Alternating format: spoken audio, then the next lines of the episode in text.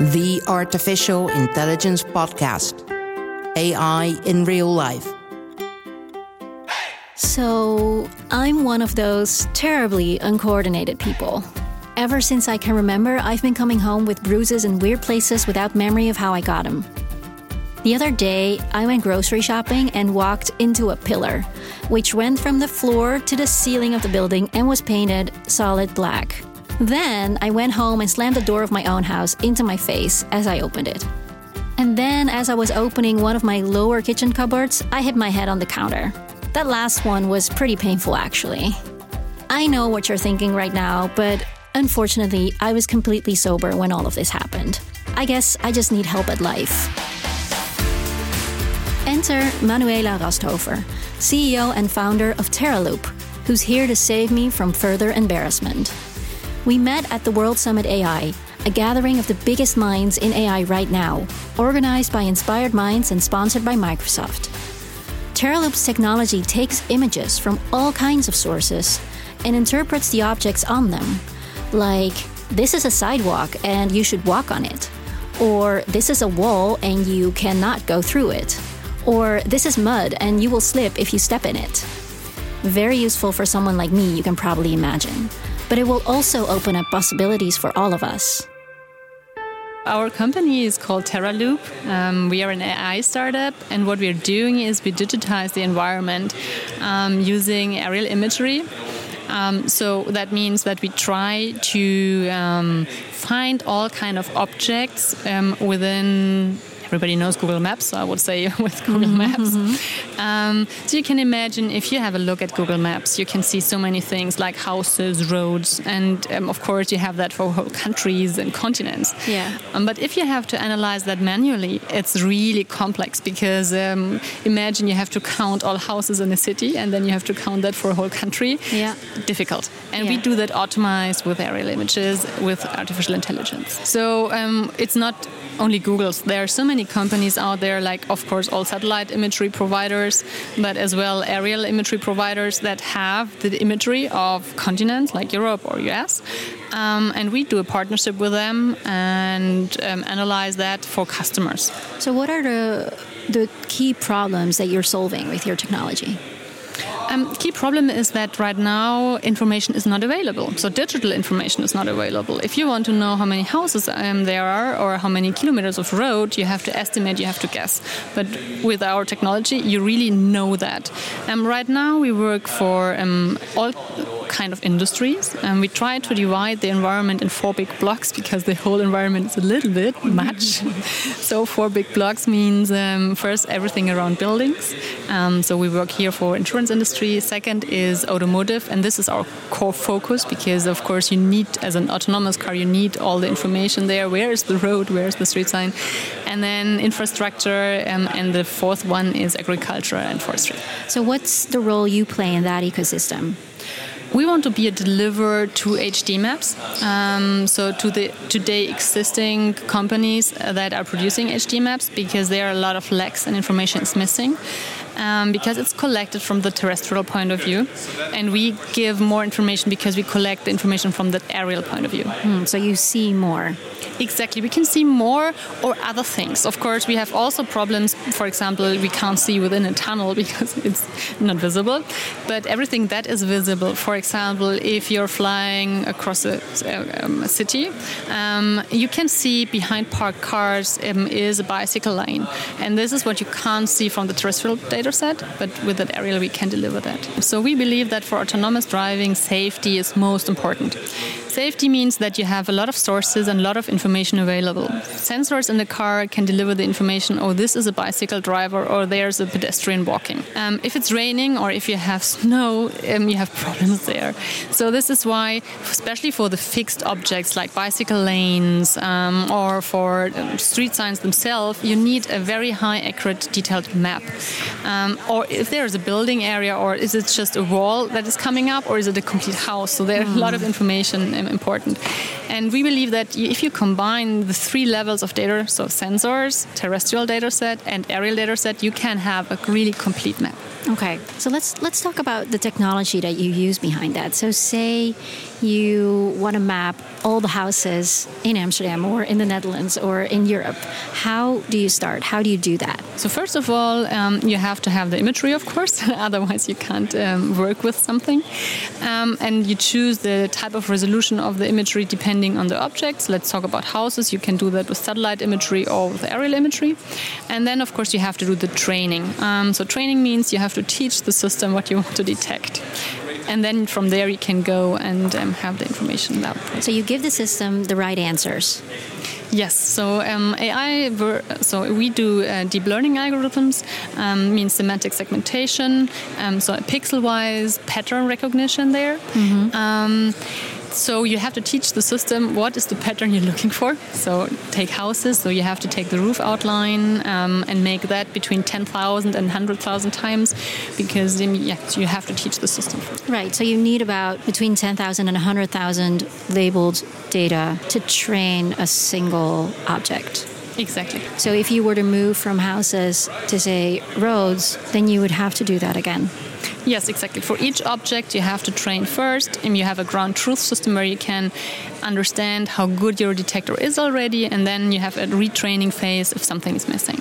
And does your algorithm also get better as you teach it more different objects? So I can imagine if you've taught it houses, you've taught it roads, is it easier than to teach it trees? Um, yes, because you can bring that into connection because you know this is not a tree or this is not a house, then it has to be something else. So yes, definitely that helps. Right. So there's definitely a network and a scale effect. Yes. How scalable would you say you are? Because we know from, from image recognition, it tends to be very specific. Um, I think we are very scalable because um, if you have um, a trained object, you can reuse at least reuse the existing trained network. For example, if you talk about houses in Europe um, for houses in the US, so you have just to do a retraining phase there. It depends on the resolution itself. Of course, if you have 30 centimeter resolution within images, um, it's completely something else than if you have a 3 centimeter resolution. And there it's more difficult and you have to do training in both uh, imagery resolution types. So then each one of them is 10,000 to 100,000. But for a specialized labeling company, it's not much. You can do that within days. So. Okay. So training the algorithm is a big part of it. What's the self-learning part of it? The self-learning part is it's not really learning itself. Um, it's more, of course, we have to train it, and then um, you have to correct the information, the output, um, and then you, of course, there is a loop back to, um, to, to the input, and of course, with that, it learns again and gets better and better. So that's the loop. So instead of teaching it what a tree is by describing every possible image yeah. of a tree, you show it 10,000 images of a tree, and it starts to learn the patterns behind that itself. Um, yeah, there are different methods. So yes, we, we tried different type of methods. Um, the most effective and fastest way is that um, you really get do a label first. So you really really mark, for example, the tree or a, a horse, mm-hmm. Um, and then you go from there to uh, you to you get results. Um, you you train it 10,000 10, to 100,000 times. Um, you get results, also um, false positives and, and negatives, and um, you you take that again for as the training uh, tool. Say you have a child mm-hmm. who you're trying to teach mm-hmm. to recognize horses. So then you would show this child 10,000 pictures of horses and say, This is a horse, right? Mm-hmm. That's step one. Then step two is asking it to identify horses in the real world. And then this child will sometimes identify a tree as a horse, which is a false positive. Mm-hmm. And sometimes it will identify a horse as a tree, which is a false negative. Mm-hmm. And then you teach this child, you know, the mistakes Yes, and that's exactly. how how she gets better. Yeah, exactly. But this is exactly what we are doing as well. So exactly that you explained so perfect. I can't explain it better. What's the end game for you? in the end, we would love to have a really digitized environment so that you have everything you can see out there is in a digital version, um, so that you really can have a search, a geo search engine. That's it, what we would love to have. Because then you can combine all other information that is out there with that in digital information. For example, if you know exactly how many houses are available in a city, how many volume you have, you can analyze how many inhabitants could live in that city, um, but how many maybe live there, and where do you have a lack of infrastructure, um, for example, of public transportation, because there are too many people and have no bus stop in front of or next to their houses. So you can plan everything then with that digital information, and this is what we really want to achieve as a digital society there. And then that application is way broader than just mobility. Like, what else could you use it for? Um, so right now um, we worked already also in the insurance sector. Um, of course, you need to know um, if you want to insure your building. You need to know what is the size of your building, how many floors do you have, all that type of information. Um, damaged houses, so detect what is damaged within that house. For example, at the roof after a storm. Um, what kind of risk do you have if a tree is next to that house, or how close is the tree to that house?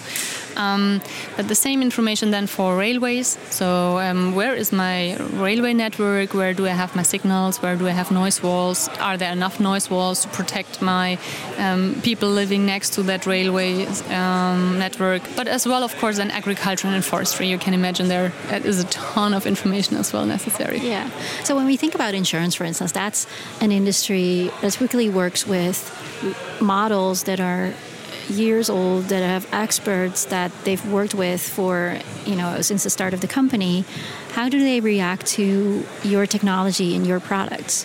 It depends. Um, we can deliver just more information. Um, and there are some customers, they are really interested in bringing forward technology. And there are customers that don't like that so much.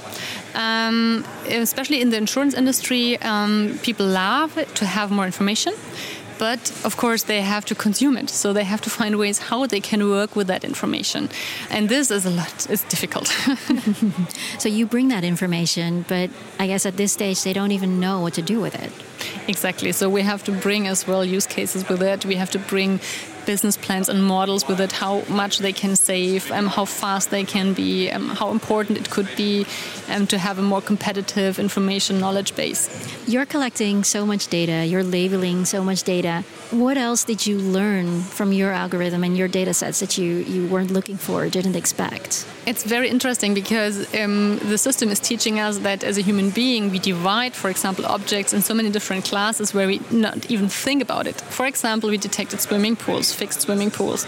And of course, you can imagine that uh, the system as well detected um, bigger swimming pools from uh, where you go in the summer and enjoy your life. That's mm-hmm. fine but also um, for the, uh, oh, I don't know the English word for Kläranlage, it's the German word, so where you have to um, get the water cleaned after um, for the city, you know. Okay. so those are not for swimming. No, they, those are not for swimming exactly. And the problem there is, um, but the, the, system is right. They are as well pools. There's as well water in it. It's fixed, so the system was right. But we realized, okay, we have to define that as not a swimming pool. So you learn a lot of things how how we as human beings act and react, and um, what the system works with. It teaches you also how we as humans make decisions in a more explicit way. Yes, and how wonderful our brain works, and that it will take years, probably centuries, to be at that point. so, the example of the swimming pools and the cleaning lakes, for instance, I guess that shows us how important it is to label the data correctly and to make sure you don't have a human bias or anything in it. Right. So that's most important is that you have very accurate labels and the teaching system, the, the, the definition of what is that object like. For example, one other very good example where I, I never thought it's a problem is um, a road. Um, the end of the road, the road edge where you have the paved area ends. I thought it's very clear where you have a road and where you don't have a road. Mm. Um, but when we trained, we learned that there's grass sometimes over that edge or gravel or small stones. Where is then the end of that road. Um, so all these small things um, have to be taken into account when you label and when you work with that. And so this is where we have to train also our own team to really be careful with that because otherwise the results are not that good. And to be very informal, bullshit in, bullshit out. How do you know when you're right or right enough? You have to have ground truth all the time. So you really have to compare versus your human being definition objects. And there's the next thing. You never reach 100% because as a human being, you can't also not, or you will never reach 100%. Um, so you're always a bit less good than human beings. Is it ever going to be better than human beings? Um, there are a lot of interesting uh, researchers out there working on that, but right now I would say no. In the end, it's still our own human definition of right and wrong that will define artificial intelligence. Manuela Rasthofer, CEO of Terraloupe. The OG AI. Where did the robot come from? In the 1920s novel RUR, Rossum's Universal Robots, we're introduced to robots. Czech writer Karel Čapek derived that name, the word, from the Czech word robota, which means labor or forced labor. The book tells about a factory owner who wants to automate as much labor as possible and creates artificial people to do so robots. From Čapek's robots, we got the word robotics, which was introduced by the godfather of AI robot storytelling, Isaac Asimov, in 1941. Because of robotics, a robot isn't necessarily the same as a moving mechanical device made in imitation of a human being anymore. What the definition of an automaton is, or as we call it now, an android. For the safety of humanity, I stopped driving five years ago. But with advancements like Manuela's, driving can become safer for all of us and accelerate the way to a world without any human drivers at all.